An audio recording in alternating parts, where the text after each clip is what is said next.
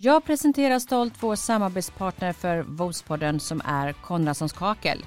De har väldigt fina kakel och klinkers och många stilar från världens alla hörn. Tack så mycket Konradssons kakel.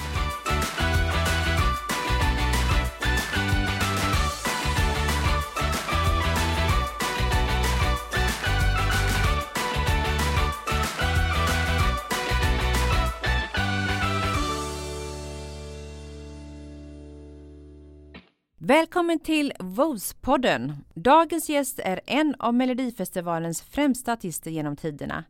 Hon är ett energiknippe, bjuder på sig själv och idag ska vi prata om hennes karriär och hur hårt pandemin har slagit i underhållningsbranschen. Jag pratar såklart om Linda Bengtzing.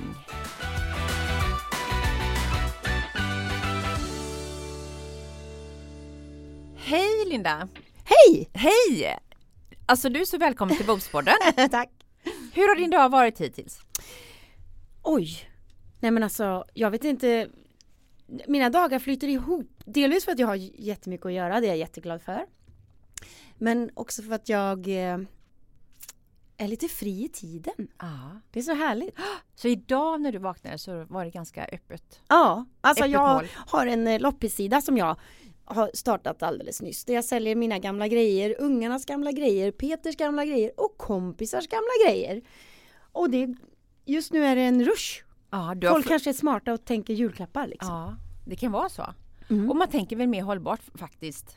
Framför allt. Jag, alltså det här med Numera. återbruk det är Det är min eh, Alltså jag lite brinner för det känner jag Även på alla nivåer Mm. Ja men det kommer ju mer och mer och du Mm. har ju haft, du berättade precis innan här att du har att du säljer en hel del. Ja just nu Jag har lagt upp mycket och då blir det självklart ett lite större intresse och Mm. att det Men jag hoppas ju Det är så intressant för jag har 37 000 följare på mitt Instagram Mm. Och där har jag gjort ganska mycket reklam för min loppissida då Som heter Bengtzings prylar 600 följare mm, det, Visst är det intressant? Mm. Hur kommer det sig att det inte är 30 000 följare? Hur kan inte alla vara intresserade av återbruk? Precis. Vad tror du? Nej, jag tror det som vi pratade lite om innan. Det är ett fåtal eh, kvinnor, mammor som både har kommit på det smarta i det men som också faktiskt gör som de lovar eller Mm. lever som Agerar. de lär. Agerar, Ja. ja. precis. Sen är jag en smål, herregud. I Ja. kläder till exempel. Så det är klart att 37 000 smål följer ju inte mig. Nej, i och för sig. Men nu, du sa ju också att det är andras kläder du säljer med. Så det... Har kompisar som, eh, ah, jag håller på och rensar och det här ska jag köra iväg och då ser jag så här, är du inte klok? Här, jag kan ta med mig, Ja. så det mesta är mitt men vissa saker har Kommer jag utifrån snott också. från andra. Ja. Eller ärvt redan från andra. Det är skönt. Mm. Eller hur? Ja, sen det har känns vi ju ju- bra. Vi har ett dyrt intresse jag och min dotter. Eh, ridning. Mm. Eh, och vi båda växer och krymper. Nej hon krymper inte men. Och det är ju en väldigt dyr sport och där kan, tycker jag verkligen återbruk är Mm. superviktigt. Ja, för där går det ju Ja, undan där- liksom mm. när det gäller under Ja. den tiden när de växer. Ja och ramlar av illa med en hjälm så då är det en ny som gäller. Ah. Liksom. Då går det inte att köpa den gamla men jag kan ju köpa en begagnad som inte är avramlad. Mm, mm. Liksom. Men du, om vi ska börja lite grann från början.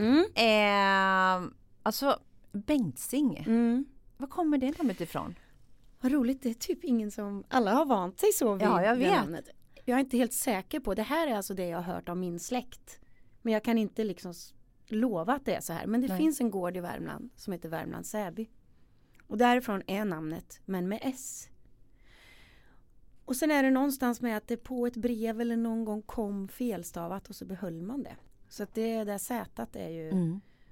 ja det är nog by mistake. Ja, Men Bengtzing med S, det är ett värmländskt gårdsnamn. Det är det ja. Mm. Härligt.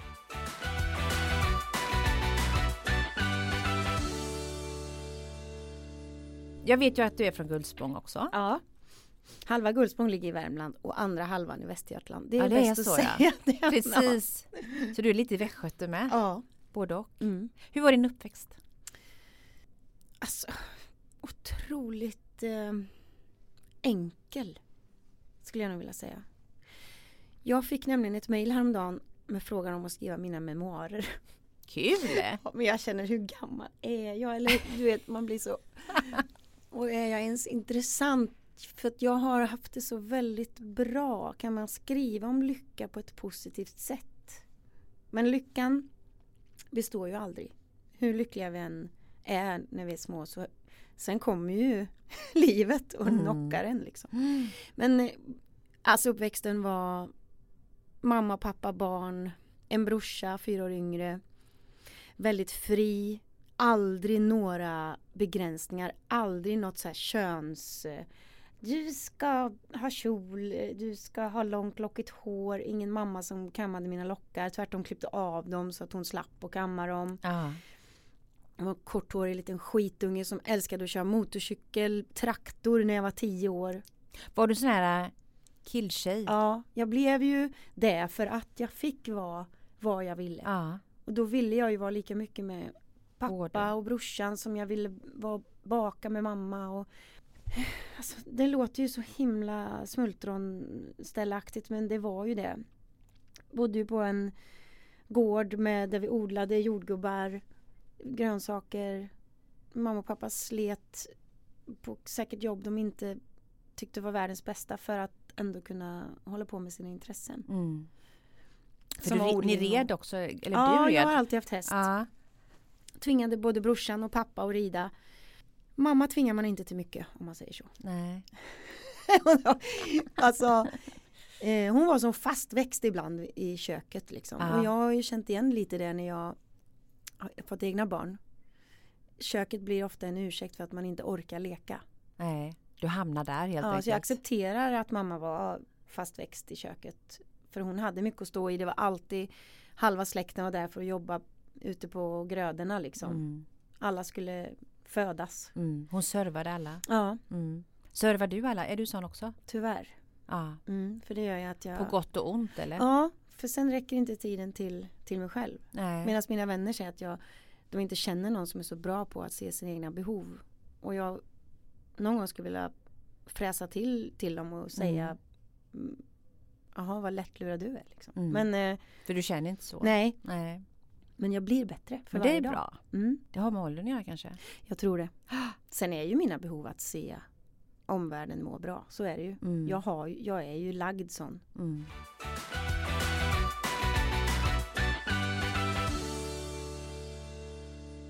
Du eh, började redan uppträda när du var nio år. Ja, Kom det ganska tidigt det här med det här kommer i och för sig det första molnet in i det här lilla gulliga uppväxten. Ja.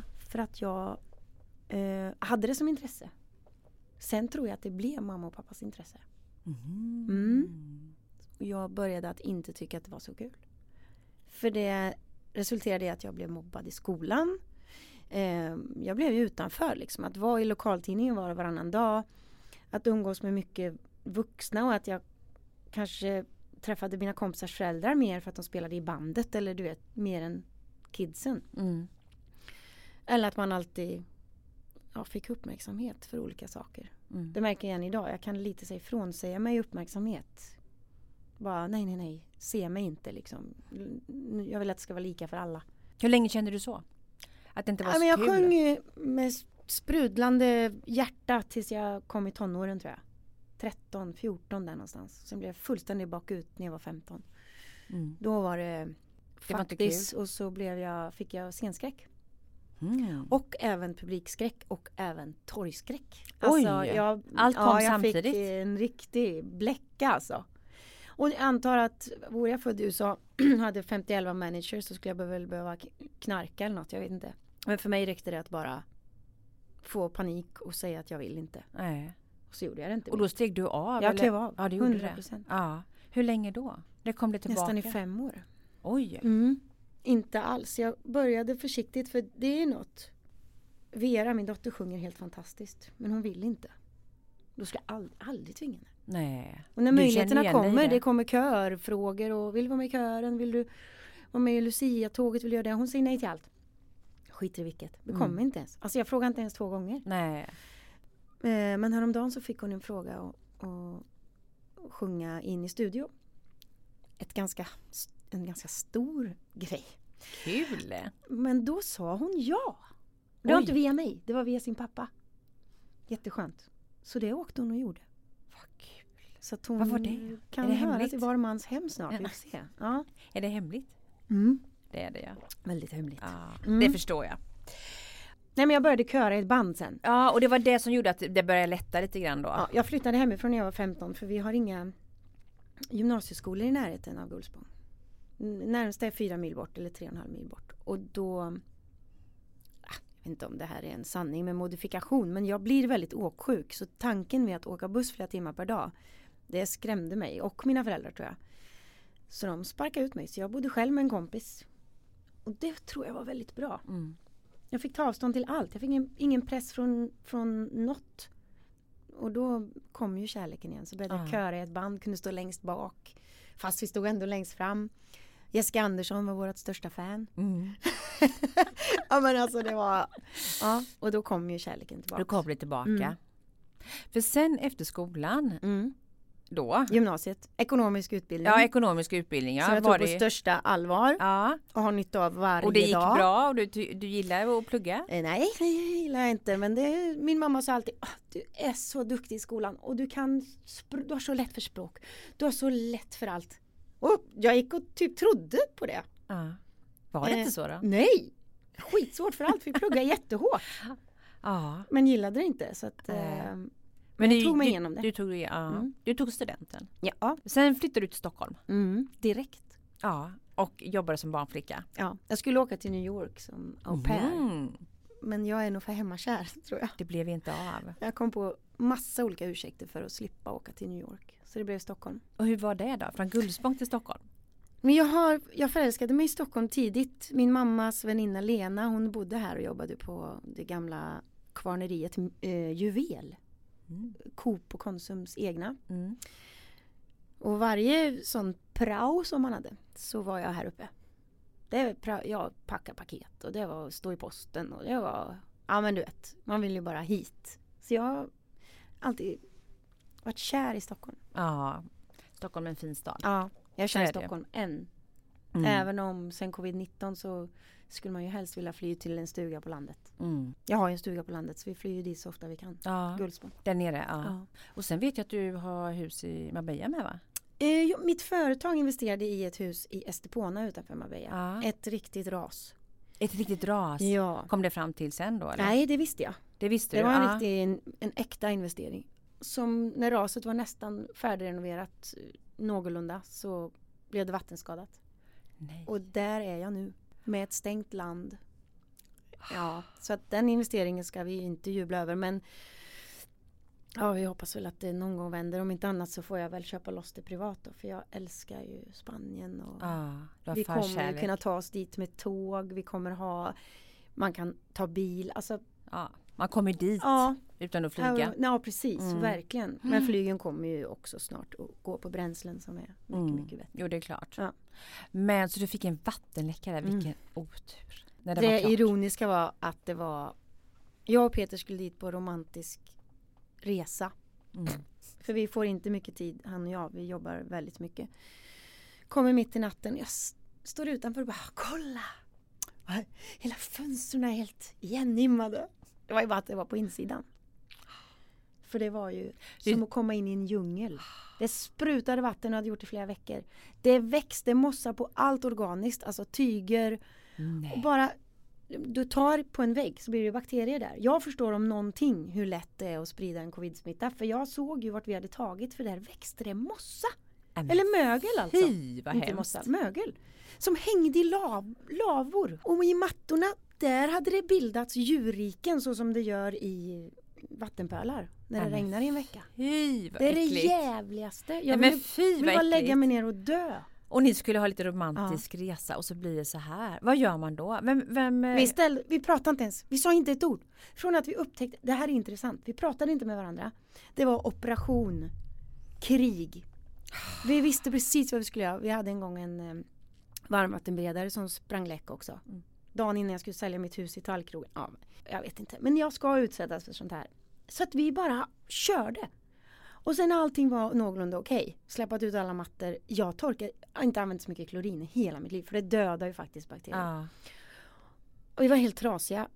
Och vi hade ett hål i väggen som var som en förvaringshål. Liksom. Ja. Där hade jag lagt madrasser till barnen som de kunde mysa i. Där fick vi ligga och sova för alla sängar och allting var helt förstörda. Så när vi ligger där i det hålet och allting är rensat och allt. Så ringer en kompis som bor fast och jobbar som mäklare i Marbella. Det är en orkan på väg. Ja, I don't fucking care. Låt den där orkanen komma. Mm. Nej men tjena moss. Då, då börjar det läcka i taket. Rakt Det kom igenom. vatten.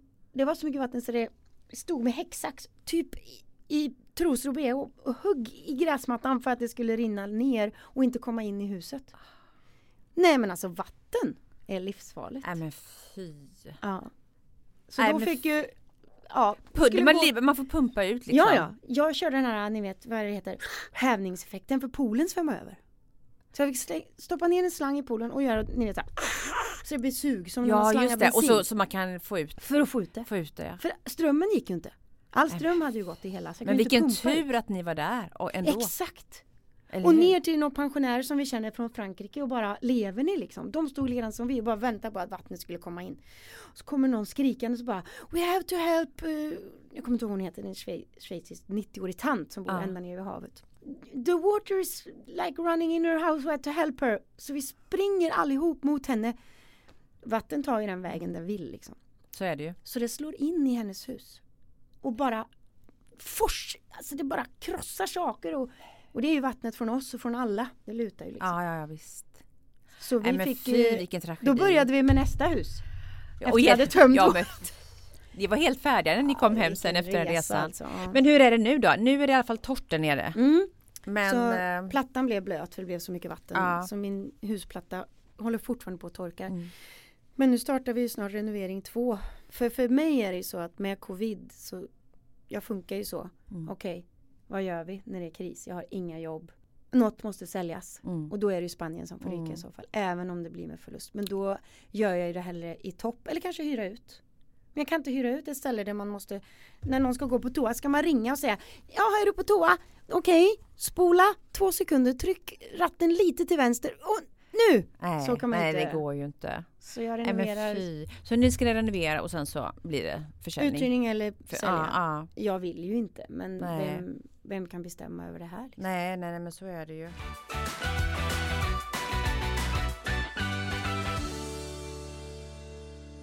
Men då har vi gått tillbaka lite grann. Du Mm. kom upp till Stockholm. Du började sen jobba på Wallmans salonger. Mm. Var det där du börjar Ja. köra mer musik? Efter barnflickjobbet där så fick jag jobb på ett eh, eventbolag här i Stockholm som heter Toastmaster Events. Ja. Och då hamnade jag i en situation där jag fick träffa alla de som jag jobbar åt idag. Alltså alla de här som bokar artister. Mm. Jättekul för då Mm. satt ju jag och ville boka Robert Wells liksom. Med To Entertain som de heter. Så alla de som jag sen har varit artist hos har jag ju träffat från andra sidan och det är ju väldigt nyttigt. Det förstår jag. Ja. Eh, och där jobbade jag i flera år. Men sen blev det faktiskt Sandving emellan som showartist. Mm, så Ja. du var iväg en del då? Ja, för då var det så att Wallmans samarbetade med Sandving. Så auditionen var på Wallmans. Och då så såg man väl någon slags potential redan då, har de berättat sen. Man ville skicka iväg mig först för att få dansen och musiken. Mm. Så då åkte jag Sandving och sen när jag kom hem. Då blev Så det blev det Wallmans. Mm. Mm. Ja, men då, det var ju så Alltså, Alltså åtta år gjorde jag. ja men det var ju så populärt. Mm. Jag vet själv, jag var ju på Wallmans flera gånger. Ja. Det var ju super, super Mm. trevligt verkligen. Ja men det är ett koncept som är, det kommer aldrig gå ur tiden. Nej. Även om det är väldigt dött just nu. Ja, Jag vet att de har öppet Wallmans men eh, ja det har han. Ja, för restauranger det är ju enklare liksom att Mm. sitta och sköta Ja, servering men det är klart. och avstånd. Och... Mm. Nej, det Mm. är vilken skola alltså på Mm. riktigt och vilket slit och vilket är det bästa tiden i mitt liv. Mm. Det kan jag tänka mig. Mm. Men sen så träffade du Peter va? Efter ett tag där. Oj. Ja, eh, Wallman ska vi tänka. Ja, precis. Sen blev det ju lite tv. Ja. Ordjakten på TV4, det här Just det. eftermiddagsprogrammet. Och på TV3 var du en sväng också kanske? Mm, ja, det gjorde jag ju det här eh, singalong. Ja, just det. Mm. Precis. Eh, Peter träffade jag ju först när jag var 35 år. Nej, det var jag inte. 33. 20, hur gammal var jag? 2008. 2008, för du, var ju, 34 du, var du blev ju Mm. gravid ganska snabbt vet jag. Och det var 2009. Ja. Så du var gravid och nykär? Ja. Det bästa. Jag rekommenderar det till alla. Ja. Även att få sin första bebis när man är nykär. Ja. För allt är så lätt. Det, Det blir inte finns- samma chock på något vis. Nej. Och det finns liksom inga, inga hinder. Utan Nej, allt blir så bara åh. Det, ja. Mm, vakna hon igen. Mm. Man bara, och nu, andra barnet. Nej, nu får du fan ta honom, jag orkar inte. För du fick din dotter först ju. Ja. Ja. Och sen så kom Nils. Nisse. Mm. Nisse 2013. Mm. Men du, hur träffades du och Peter då? Självklart musiken, han är gitarrist Ja. och basist. Från Värmland, Kil. Han skulle vara med i mitt band. Och den där historien är faktiskt fantastisk. Den kommer bli många kapitel i min bok. Om det nu blir några memoarer. ja. Du får dra den lite kort. Ja men han var ju Alltså jag repade till, eh, till fyra morgon Inför en turnépremiär och jag kom till lokalen och skulle repa med bandet. Och som tjej, singeltjej 34 år gammal Så vet man att Det är ganska jobbigt att åka runt med ett gäng killar Om det blir några slags spänningar någonstans. Så jag tittade mig runt i lokalen och bara Nej det här är lugnt, det finns ingen här som Det kommer bli hur bra som helst. Ja, och vi repade och Gjorde det här TV4 morgongigget. Och sen skulle vi sätta oss på ett möte och gå igenom turnéplanen. Så jag kommer upp på mitt bokningsbolags kontor. Kliver in i konferenslokalen, ser en kille som bara Men vem är det som har med sig en kompis tänker jag, vilken Mm. konstig grej. En jävla snygg kompis. eh, alltså, jag bara Jag fick svettningar, jag minns det än idag. Snygga snubbe jag sett. Ja, du blir helt skakig. Ja, så jag frågade Dennis, min bokare. "Eh, Vem, vem är det där? Ja, det är Peter, din gitarrist. Jag bara, men nej, jag har ju redan träffat gitarristen, han såg inte ut så. Och då var nej men eh, det var en uh, vikarie. Det här är den riktiga. Fasiken. Ja, Ja, det var kört. På den vägen är Mm. det. Och det gick snabbt. Sen blev ni... Ja, det, det beror på hur man ser på det. När vi väl blev tillsammans så han var ju upptagen sedan sex år tillbaka med en annan tjej. ja, ja, då. Mm. Oj. Du hade, Och det lite, jo- du hade jag. lite att jobba på då. Nej men jag accepterade det Ja. ganska snabbt för att eh, jag gillar inte att intriger och blanda mig i. Nej. Men sen är det ju så att vissa saker styr man inte över. Och då blev det tvärtom. Då blev jag bara hon kan fara och flyga. Mm. Han är min. Och jag var inte modig nog så att jag jobbade för det utan jag lämnade över det till honom så att säga. Jag sa bara som det var sen fick han göra som Så fick han bestämma. Mm. Han Men- valde ju rätt. Han valde rätt Mm. ja. Det är klart han, det är klart han gjorde Ja. Linda. Ja. Såklart. Men sen så, han friade i alla fall 2016. Ja, Var det romantiskt? var det 2016? Herregud vad länge sedan. Ja men det är ju Ja, fyra det- år sedan. ja. Ja. Var det romantiskt? Är han romantisk? Nej, han är nästan till oromantisk. Ja. Han är sämst. Min man också, han Ja, är Vi helt pratade om det här oromantisk. om dagen. För jag sa det var, var intressant för att, att icke vara romantisk och inte vilja lära sig heller att utvecklas och bli bättre. Eh, Jag vill gärna jämföra det med att man har ett beteende som är likväl ett beroende. Det är Mm. samma sak Mm, egentligen. mm. Och kan man inte ändra ett beteende eller att man tror att man inte kan ändra ett beteende. Det är en jättetråkig åsikt. Mm. För det kan man. Ja, det det vet man. jag. Jag har gått i Mm. terapi i två år. Jag ändrar mina beteenden konstant. Men det tar tid. Och då blir jag så ledsen. Vill han inte bli mer romantisk? Men sen får jag ju säga, ja nej men han är ju bra på mycket annat. Så jag får väl vara den romantiska då. Mm. Men sen kommer jag på mig själv att jag också är ganska sugen på det. För att jag blir lite obstinat och lite sur. Ja. För man tycker att man ska själv ge Ja. hela tiden då. Men jättedumt. Ja. Han, ju, han får väl göra något annat. Men han friade och Han det var... friade ja. det var väl så romantiskt det kunde bli. Och jag blev ju väldigt Jag tycker att det är lite läskigt. Jag tycker commitment och eh, för evigt och allt det här är mer skrämmande än härligt. ja. Ja, jag tycker att det är nästintill obehagligt. Ja, det var skräckblandad förtjusning. Mm. Precis. Jag eh, gifte mig då så, med min man då, Mm. men hade två barn sedan innan. Mm. Och jag kände ännu mer. Mm. Att, eh, eh, och jag visste att det finns inga garantier på en relation. Nej. Eftersom jag hade gått igenom som Mm. jag hade gjort. Så att eh, då var det ännu mer otäckt liksom. Ja. Att man går in i ett äktenskap och man känner att det finns inga garantier egentligen. Nej. Fast man kan ju inte tänka på det varje dag. Nej, men sen jag har blivit fria till förut. Och jag är väl så pass romantisk att jag hade ju hoppats att jag ville bara att det ska hända en gång. Jag vill bara bli fria till en gång. Det du vet, jag har de här romantiska bilderna. Och jag kan inte skylla på den killen. Det var ju fantastiskt att han också ville gifta sig med mig. Men eh, han förstörde ju hela min bild. av hur allting skulle bli. Ja. Så jag tackade ju nej. Det är hemskt. Men eh, jag skulle aldrig kunna ge mig in i, i något sånt. Nej. Hur håller man ihop en relation? Mm. Tror du? Jag vet i alla fall hur man förbättrar en relation och ger den det stödet den behöver. Nu säger inte jag att det är allt man behöver göra men vi bestämde oss för när vi fick Vera i och med att vi var så pass nykära. Det kan ju bli så att det är vi tre som blir vårt förhållande och så är det ju inte. Det är faktiskt bara jag och Peter som har Mm. ett förhållande. Så vi bestämde oss för att dejta en gång eller i alla fall en gång varannan vecka. Sen blev det en gång i veckan faktiskt. Varje vecka. Sunt. Det är Ja. sunt. Och då hade vi barnvakt. Och det här blev ju magiskt på många sätt. För vad har det gjort med våra barn? Jo, att de har accepterat både att ha barnvakt men att vi också har en relation som de typ inte har med att göra. Nej. De har liksom fattat det från början och nu kan de till och med säga så här, ska ni inte, de är ju 6 och 11, eller 7 och 11 blir ju Nisse nu i december. Ni kan väl ta en natt på ett hotell eh, i Mm. stan? Du vet, de liksom De supportar. Ja. ja. Tycker det är bra när mamma Ja, och och pappa sen- åker. gör ju inte barn som man säger utan barn gör ju som man gör. Och förhoppningsvis så tar ju de med sig det här också. Mm. In i sina förhållanden. Hur viktigt det är att Ja, men det är och ses själva. Och Mm. Ibland så har vi dejtat, vi har suttit här nere i restaurangen kanske och ätit eller så är vi på ICA Maxi och storhandlar för att det var det som behövdes. Bara att få en egen stund tillsammans. Ja, Nej, men jag håller med dig. men eh, sen har man ju självklart miljoner tips men det är ju det här med att se varandra och bla bla bla, Mm. ge varandra utrymme. För det har inte vi varit så bra på men vi har blivit bättre. Mm. Alltså att sinnet kanske säger nej när sambon kommer och säger du jag skulle vilja dra till landet och fiska med några kompisar. Säg bara ja. Säg ja och sen säg ja men då får vi lösa tillsammans allt praktiskt. Säg ja. För att, att bli den här bromsklossen Mm. inte är bra. Nej. Nej men så är det ju. Mm. Absolut. Det kommer bröllopet då? Ja, vi pratade ju faktiskt om att kanske strunta i det. I alla fall nu för pengarna vi har sparat sen 2016 Mm. De försvinner ju sakta men säkert just nu. Det förstår jag. För även om covid är här och jag inte har någon inkomst och inte haft någon inkomst på 11 månader nu. Eller 10 månader.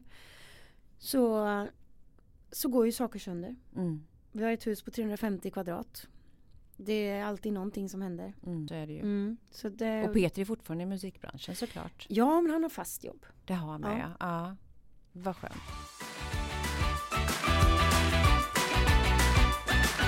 Vi på Vos är ju så mycket mer än denna podcast. Har ni inte varit inne på vos.se är det hög tid att gå in nu. Här kan du shoppa och läsa om intressanta artiklar och reportage. Vi uppdaterar även våra sociala medier flitigt där vi pratar om de senaste trenderna och ger inspiration. Följ oss gärna där.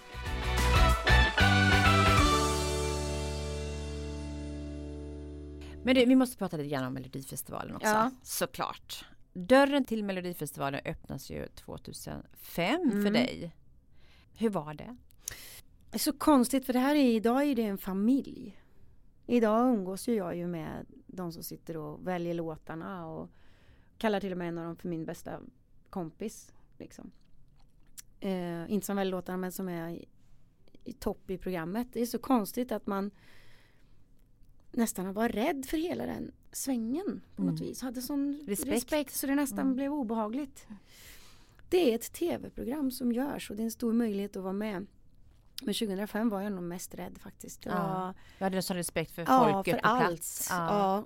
Även andra året, 2006, men jag ljuger. Så var jag fortfarande ganska rädd.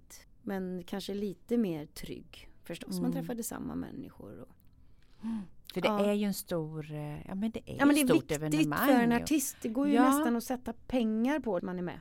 Så i karriären så är det ju man håller sina gager uppe, man, Mm. man finns, man syns. Det är nästan först med covid-19 som jag har börjat ta initiativ utanför Melodifestivalen. Ja. Du var ju med då sista gången med Alla, mina sorger. Ja. I år.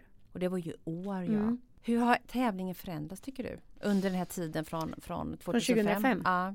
Inte mycket, för jag tror att det, det är som en installation. Jag tror Sverige kräver att det ska vara ganska likt, för vi behöver ha någonting som känns igen. Vi behöver ha lugn och ro tror jag i vissa saker. Och där tror jag är en sån sak. Mm. Eh, sen är det ju som men tidens tand på något vis. musikstilen ändras och mina föräldrar tycker att vilken jävla sketmusik. Mm. Det har kommit in ny, ny musikstil Ja, exakt. kan man väl säga. Ja, och jag menar i, starten där, där man absolut inte ville ha med Idol att göra till exempel kanske. SVT bara nej, nej, nej, vi kommer inte ta med några TV4-artister här inte. Men titta idag, det är ju Ja. enbart De. det. Ja. Vilken av Melodifesten var roligast då? Av de gångerna du var med? 2008, hur svårt kan det vara? Det var det roligaste för då var vi ett gäng som tog ganska lätt på det. En god vän till mig som heter Jocke Stenhammar, gammal Sony person som är ganska lättsam. Han gillar, inte, han gillar inte konflikter, han gillar inte att ta strider utan det ska vara lättsamt och då blev det det. Mm.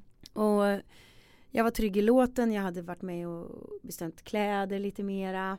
Hur långt gick du då? Hur svårt kan det vara? Undrar om jag sa fel nu. Undrar om det var är det fel på mig året som Jocke var med. Så kan det ha varit faktiskt. Det var nog fel på mig, de gula kläderna. De gula kläderna Mm. var det ja. Då var det. Och då hade jag faktiskt, då ljög jag precis. För att då hade jag varit väldigt sen i kläd. Det bara blev som det blev. Herregud vilken katastrof. Det var det. För vi bestämde oss för att bo på ett annat hotell. Det var det. 2011 var det. Vi bodde på Det var då du hotell. hade de gula kläderna? Ja, det var då jag hade varit med och bestämt allt och Jocke var med och allt. Och jag bara, nej jag kommer typ inte göra några intervjuer. Jag ville bara Du ville bara åka vara. liksom. Ja, Ja, köra. inte höra några förutfattade meningar, inte höra, för jag får ju höra alltid, ja men slagen det är ju ingen idé, ingen tycker om den egentligen och bla bla bla.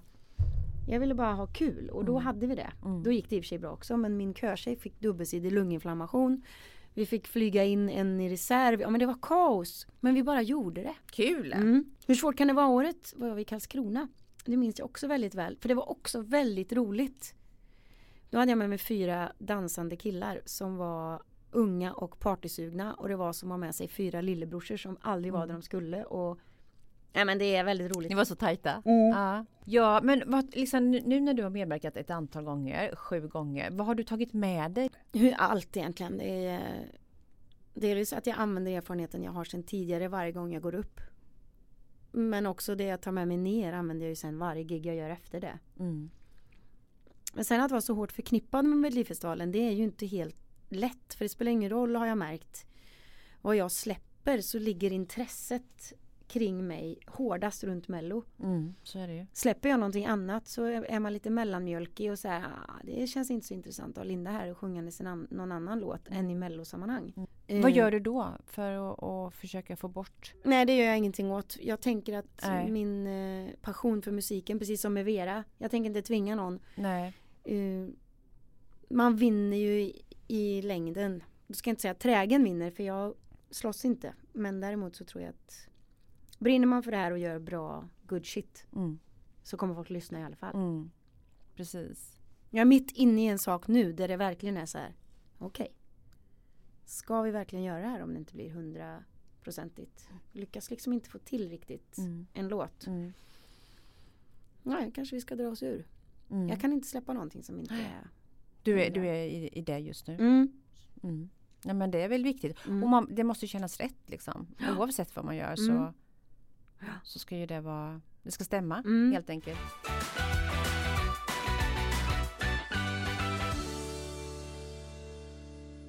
Jag tänker under pandemin Mm. så rasar ju underhållningsbranschen väldigt kraftigt.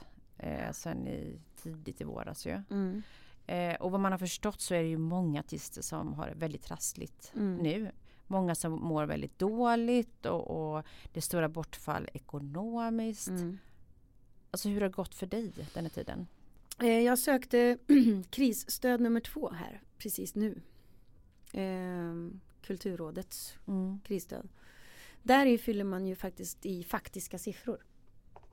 Årsbokslut, likviditetsrapport. Mm. Som kanske inte alla förstår vad det innebär men där sätter man ju siffror på hur det går. Mm. Och jag har alltså jag har noll. Mm. På hela året? Mitt företag har inte kunnat ge mig lön. Nej. Däremot så är ju inte kontot tomt för att då klarar jag ju inte utgifterna som jag har varje Nej, månad. För vissa precis. saker kan jag inte. Jag kan inte lämna tillbaka min leasingbil för då blir det ändå att jag får betala fullt. Jag måste ha kvar mitt kontor. Jag måste ha en telefon. Min karriär är inte över. Jag kan inte lägga eh, företaget på is. Nej. För jag menar jag producerar ju saker konstant. Jag menar jag släppte äntligen Marie Fredriksson-covern där. Mm. Som jag satsade min, närmare 100 000 kronor på. Det projektet jag är i nu, ja men det kommer bli likadant med det. Mm. Det är 100 000 på det. För jag måste ju fortsätta finnas. Jag Mm. måste ju fortsätta att skapa. Det är ju inte någonting som jag varje morgon eh, skriver måste. Utan jag vill ju. Nej, Men men att du vara måste, i den här branschen du är- måste se framåt såklart. Ja men att vara i den här branschen är som att vara i vilken bransch som helst. Ja. Jag kan inte lägga mig ner och dö. Men rent inkomstmässigt så är mitt företag dött. Mm. Vad, innebär det här bidraget? För det, får, det kan Ja, väl alla söka som artist Precis. Eh, alla som har aktiebolag och Ja. det är väldigt hårt. Eh, rest, eh, alltså du måste komma in med kontrakt på jobb som du skulle ha gjort. Och de måste vara offentliga. Det Mm. kan inte vara ett företagsgig. Utan De de måste vara offentliga. Mm. Nej, då kan Mm. man inte söka. Du ska ha ett kontrakt på det. Det ska vara avbokat på grund av covid och ingenting annat. Nej. Alltså Mm. hur många kan plocka fram det? Hur många fick ett kontrakt från mars till september? Mm. Precis, hur många fått det? Ja, det ska du då lägga ihop hur mycket du skulle ha tjänat. Hur många av de här jobben som blev avbokade skulle ha inbringat till dig. Ja, Så att eh, det är lite att, det att stå är inte där. lätt. Jag kan inte permittera mig själv för jag tog inte ut lön under Melodifestivalen. Och regeringen satte regeln att om du inte har tagit ut lön de två senaste månaderna kan du inte permittera dig själv. Nej. Jag har inte haft någon hjälp, inte något stöd, ingenting. Och min, min bransch är alltså stängd. Mm. Det är inte så att, att jag kan jobba lite. Nej. Det, det finns inga möjligheter. Det är att bli streamad då. Men hur många är vi inte? Nej, så är det ju. Och till vilket pris? Om jag Ja, håller en fy. diamant i min hand Mm. så är den lika mycket värd om det så är covid eller inte. Jag är min egna diamant. Mm. Jag sänker mig inte Nej. för priser som eh, jag menar många av mina kollegor dumpar sig för att de är desperata. Det får vara helt upp till dem. Jag kommer inte göra det. Då jobbar jag på andra flanker. Mm. Jag är företagsekonom, jag är entreprenör i själ och Mm. hjärta. Mm. Jag kommer kämpa tills det brister Mm. alltså. Mm. Men, eh, Hur har du mått då? Hur mår du nu?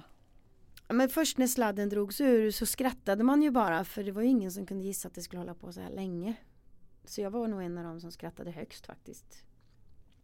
Men när man fick veta och lära sig lite om viruset så förstod jag, var nog en av de första som kanske förstod när jag sa till mina kollegor att gör inte slut på, på det du har för det här Nej. kommer hålla på länge. Ja. Då skrattar de åt mig istället. Ja, du var en negativ vän om det här kommer inte gå att göra sig av med. Och, så att då mådde jag nog skit. Jag hade svårt till och med att komma upp på morgonen ett tag. Men ett tag för mig. Vi kanske pratar några månader. Ja, men det är länge. Det är länge för mig. Ja. Men det är ju ingen tid för någon som har en depression. Nej. Men, eh, jag visste inte vart jag skulle börja på något vis. Jag gjorde någon slags omstart. Mm. Och där kom ju, föddes ju målningen, Ja, min för, loppisida. precis. För du målar ju en del. Mm. Gör du det fortfarande? Oh ja! Ja. Just nu så ligger jag lite lågt för att eh, jag inte vet vad det ska leda till. Vi är tvungen att man har ju möjligheten att ha det som bisyssla till ett visst belopp. Ja, just det. Ska jag ta upp det här som i min, eh, mitt företag så måste jag nog ha helt andra priser. Mm. Mm. Jag ska börja skatta för det som en inkomst. Ja, men precis. Eh, så att nu målar jag bara och så Ja. får vi se vad det blir.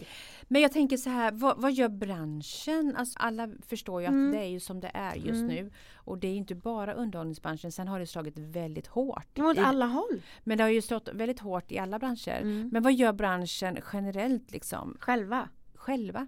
Vi har försökt att anpassa oss i alla möjliga led. Jag har en eh, manager, en ny manager. För jag kände att när det här är över så vill jag ha gjort rätt sak. Och ha rätt mål. Och jag kan ju snöa in. Så jag tänker att jag behöver ju ta hjälp. Och han tillsammans med kollegor har ju verkligen anpassat sig. Okej, nu är det 50 pers, det är så här. Eh, nu är det 200, oj nej det var aldrig 200.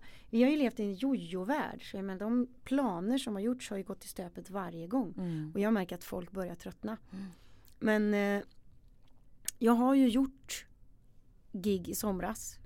Säg att jag har jobbat sex gånger, säger vi, sju kanske. Mm. Som jag har fått betalt för, precis Ja. som jag brukar. Men Varför jag, då tänker folk, va? Du sa att du inte hade tjänat några pengar. Nej, det räcker ju inte till mig. Nej. Det räcker till kostnaderna men inte till mig. Nej precis, du får ingenting över. Nej, precis. Och, och då ser man ju hur bra det har gått att anpassa. Så Mm. branschen har ju anpassat allt det går Mm. och står redo att kunna anpassa ännu mer. Mm. Men nu står vi inför ett annat dilemma. Det är ju folks rädsla. Spelar ingen roll hur mycket vi anpassar och hur mycket vi följer reglerna. Folk vågar inte komma. Nej. Och nu, just nu, Mm. när det ökar Mm. så är det klart då... eh, Så att ja, vi anpassar Då det anpassar och kommer på tusen idéer och jag, jag får samtal från kollegor. Nu är det en kollega som har öppnat ett musikcafé där det ska vara levande musik där man säkerställer sig helt gratis. Men hon vill också att jag hänger mina tavlor där. Mm. Allt i kaféet kommer vara till salu.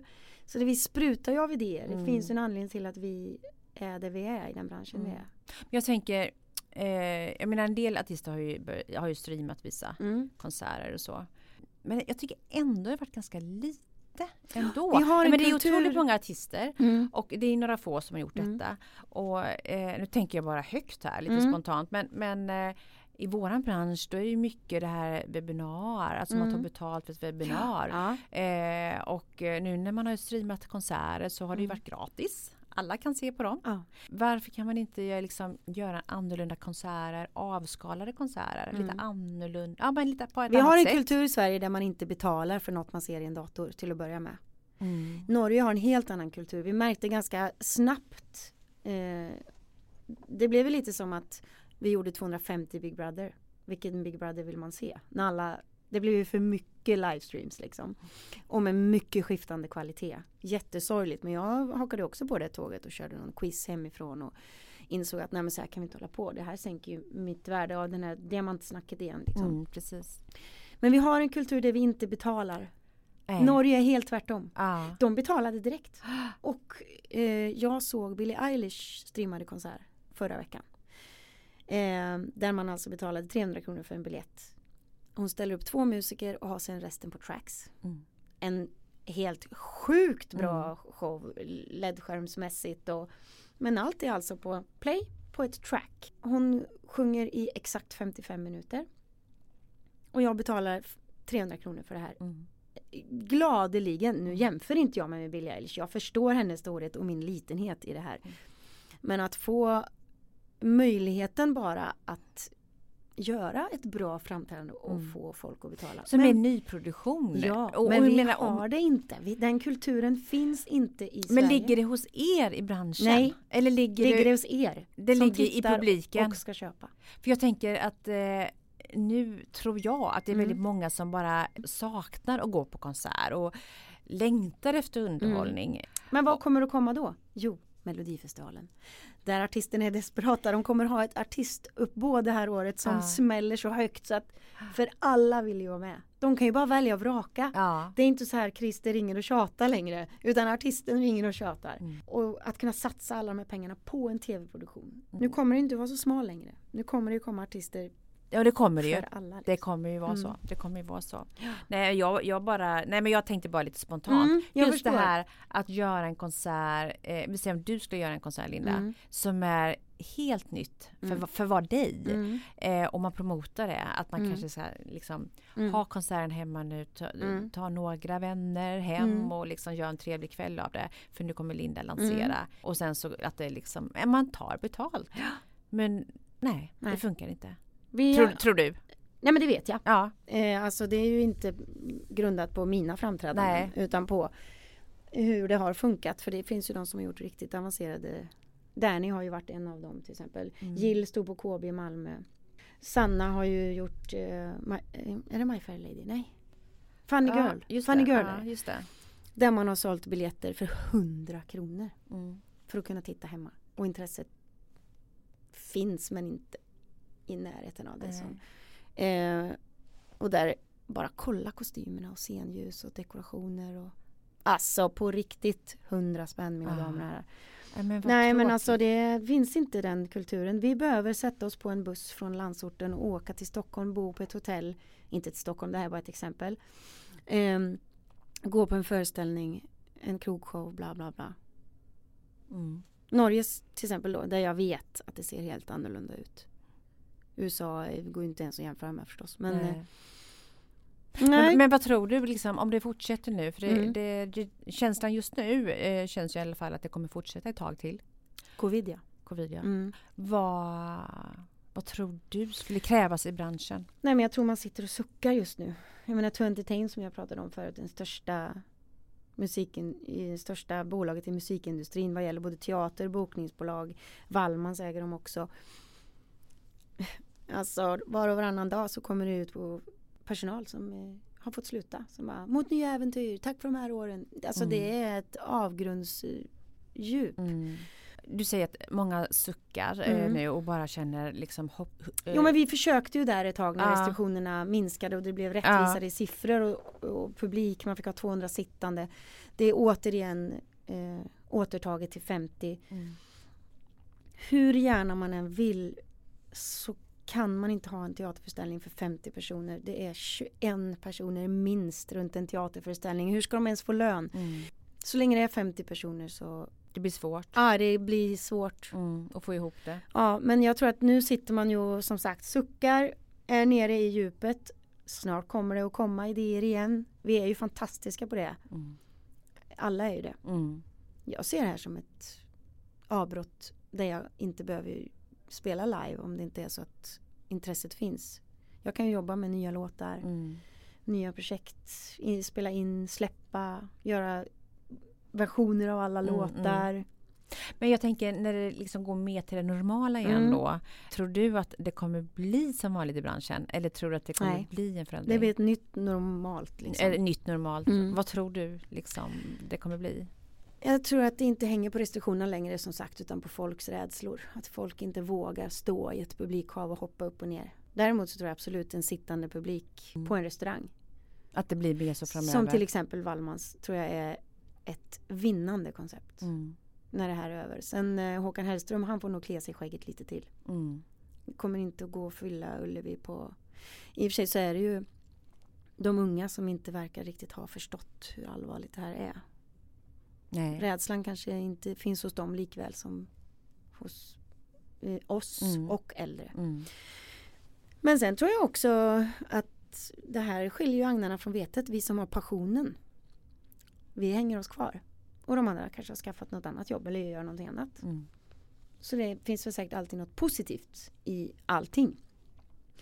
Jag kommer inte att gnälla. Det är min revisor som, som gnäller. Mm. Gnäller och fakturerar.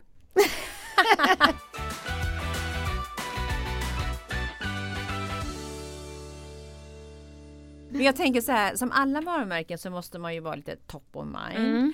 Även nu under Mm. de här Ja, rådande ännu tider. viktigare. Ännu viktigare, ja. Precis. Hur håller du ditt varumärke i liv nu? Alltså din synlighet under, de här, under den här tiden? Eh, jag släppte ju äntligen eh, min första cover någonsin på Marie Fredrikssons låt som jag har Ja. jobbat på i flera år. Det var augusti va? Som Ja du- precis och där var jag överallt. Det var ju alla radioprogram och tv-program som gick att vara i.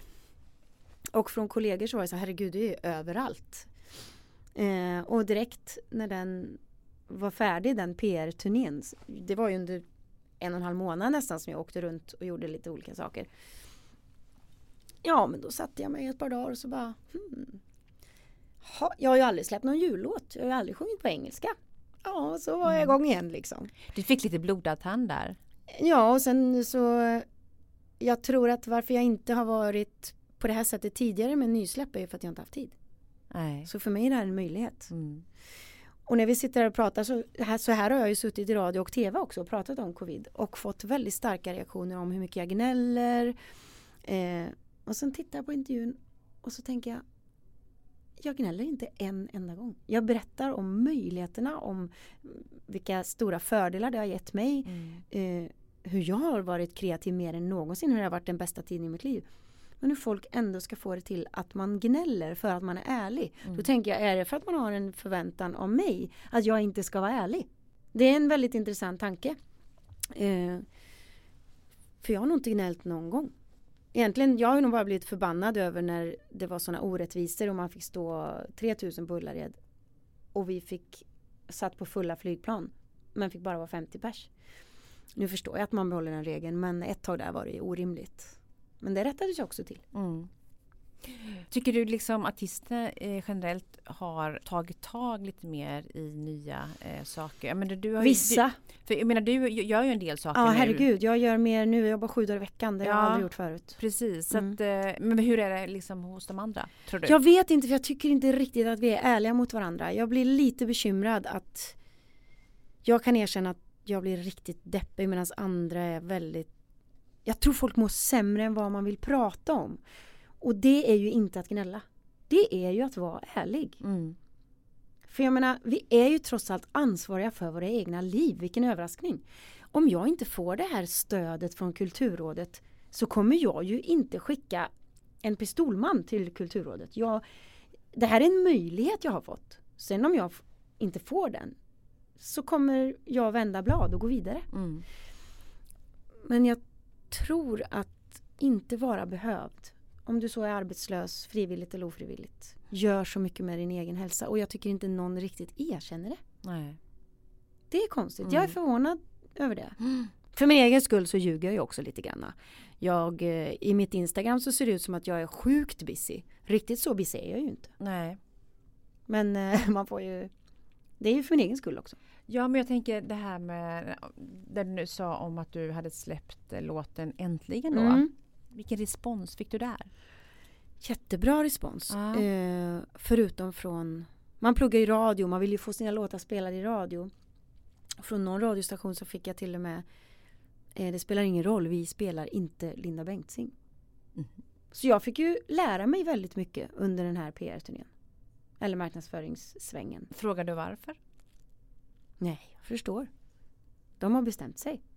Och det ligger inte hos mig. Nej. Så det är bara att släppa. Det är deras sorg. Mm, Alltså mm, på mm. riktigt. För jag menar, det, de fördömer ju sin publik också. Jättekonstigt.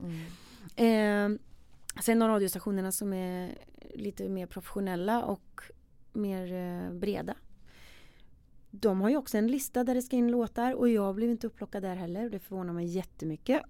Och ryktesvägen fick jag höra att de tyckte att det var konstigt att jag valde Marie så tidigt. Mm. Men jag gjorde den här låten när Marie levde. Ska vi lägga Mm. till. Ja, det vet jag. Jag Mm. läste det. Ja. Så att eh, det här var ingen profitering överhuvudtaget. Jag kände bara att nu ligger en jäkligt bra låt här. Jag älskar henne och hennes musik. En Mm. hyllning kan aldrig bli fel. Vissa anser inte samma som jag. Men jag har gjort en jävligt bra låt. En bra produktion. Det är precis det jag vill stå för. Mm. Så det är bara att fortsätta. Den här låten finns i mitt bibliotek. Jag använder den ute. Mm. Den är Varje jättebra. gig. Ja. Varje gig. Sex gig. Sex stycken. Ja, jag tror jag har spelat den på två spelningar. För de andra gigen hade jag inte släppt den på. Nej, just det. Idag så skriver du ny musik ju. Mm. Ja, eller jobba på att spela in. Jag skriver ju tyvärr ingen musik. Nej, men du jobbar på att spela in. Ja. Ja. Vad, hur går det? Var, var är du nu Nej, det någonstans? är, jag är mitt i någon slags process där eh, resultatet inte är det jag förväntat mig. Nej. Och det. det är inte som många har förväntat sig. Håller inte kvalitet riktigt. Och sen om det eh, ligger hos mig eller producenten eller det är det vi sitter i just nu. Den ska släppas den 20 november. Så att det brinner. Så Oj. fort jag går ut härifrån kommer jag ju ringa och fortsätta gräva i hur vi kan lösa det. Ja. Är det så att jag kanske inte ska göra den här låten då? Kanske. Kan, man, kan man backa? Ja, då säger man bara vi skiter i det. Mm. Men då har man ju lagt jättemycket tid. Och inte bara jag utan fler. Mm. Nej men den här vill jag verkligen ha ut. Jag, eh, det är en engelsk eh, jullåt. Nyskriven. Som har chansen att bli en riktig klassiker. Den är riktigt happy och härlig. Vad kul. Och heter Home for Christmas. Och då är det så Mm. också att man får kanske hålla sig home for Christmas. Mm. Precis. Det är ett budskap i det med. Ja, i alla fall i titeln. Ja. Sen resten är väldigt att man ska kramas och sånt. Men det behöver man inte lyssna på. Blir det mer musik av eh, Marie Fredriksson?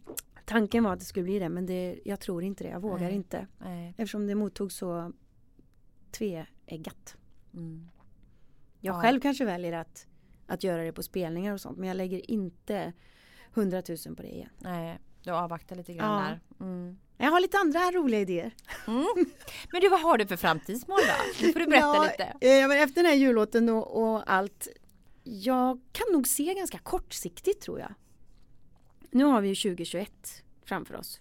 Ger det här eh, covid mig fortfarande stopp i karriären eller vad man ska säga. så måste jag nog fundera på ett annat yrke för jag kommer inte att, att reda ut det här ekonomiskt. Många Nej. företag klarar sig i ett år om man är smart. Men sen går det inte mer. För jag menar, jag har trots allt tre hus varav Mm. två är privata och ett är företagets. Det kan alla räkna ut vad det kostar att, att hålla igång liksom. Det kommer inte gå. Och eh, då måste jag skaffa mig ett annat yrke. Mm. Så jag får ju fundera på vad det skulle kunna vara. Mm. Skulle du kunna tänka dig att jobba med ekonomi? Som du Nej, utbildad till? jag tror inte det. I så fall Nej. så det jag kan tänka mig med ekonomi är att jag har en sån god eh, ekonomisk uppfostran. Jag skulle vilja åka runt på skolor och föreläsa om ekonomisk uppfostran, grunderna i tänket. Och att det faktiskt inte är någon annans ansvar att se till att du klarar dig. Mm. Det är inte så att när du har gjort, gått klart skolan så ska någon betala din hyra via ett hyresbidrag eller ett socialbidrag eller en, ett barnbidrag.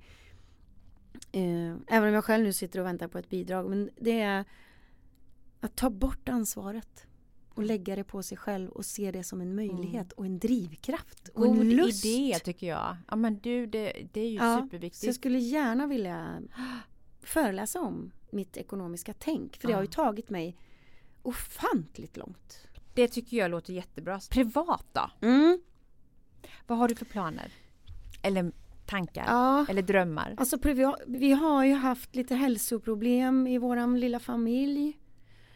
Så att vi är så glada att vi lever på något vis och tar en dag i taget där. Och bara försöker att uppskatta varandra och, och det Mm. vi har. Och bröllopet mellan mig och Peter är inte viktigt. Nisse har det trassligt i skolan också. Mm. Så jag menar jag ser ju det som kanske Guds försyn att jag kan finnas där för honom Mm. just nu. Genom att inte ha några jobb Precis. kan Och det- ta hem honom lite tidigare och vi kan ha ett annat tålamod, ärligt Ja, talat. ja. Att inte ha en sönderstressad mamma som inte pallar när han kraschar liksom. Sex år ungen och har det jättetufft. Nej vad tråkigt Mm. att höra. Eh, ligger efter liksom och, Ja. och det är stora grupper och ja, men du vet Ja. allt det här. Nej, så privat är det verkligen att bara hålla hu- huvudet ovanför vattenytan och försöka tillföra glädje och positivitet i, varje, i vardagen. Jag får försöka stå för det. Mm. Det låter sunt. Ja, Mm. men det gäller ju att jag orkar det också. Ja, det ska du också När göra. jag inte är nödvändig någonstans Precis, egentligen. så är det ju. Och du, eh, men jag vet ju, jag förstår ju att du går och, och i terapi också. Mm. Och, Jag har gjort det i nästan eh, två år. ja, Och jag är så glad att när coronan kom att jag var inne i en terapi med en terapeut som jag älskar och att vår, våra samtal har kunnat Alltså jag har, inte, jag har inte fällt en tår, jag har inte deppat ihop över någonting. Jag har sparat små lappar så när, vi, när jag går i terapin så tar jag upp det som knäckt mig. Liksom. mm, mm. Och så får hon mig att se det på andra sätt eller använda det till min fördel eller, eller acceptera det bara. Mm. Det, ibland får man ju Att inte stå emot utan acceptera ja. Så jag, att bara hålla ihop och uppskatta, odla tacksamhet. Det låter ju jäkla töntigt men alltså, vad har vi? Du har så rätt, så är det. Mm. Du, stort tack att du kom hit. Tack för att jag fick komma. Du- det här du- är ju som terapi. Ja, ja Mm. men det är Ni lyssnar så fint. Ja, vad bra. Nu, nu tycker jag att nu är vi starka där ute och sköter Ja. oss. Eh, Ja. Så att det här eh, tråkiga pandemin försvinner sakta Mm. men säkert. Som han säger, Mark Levengood.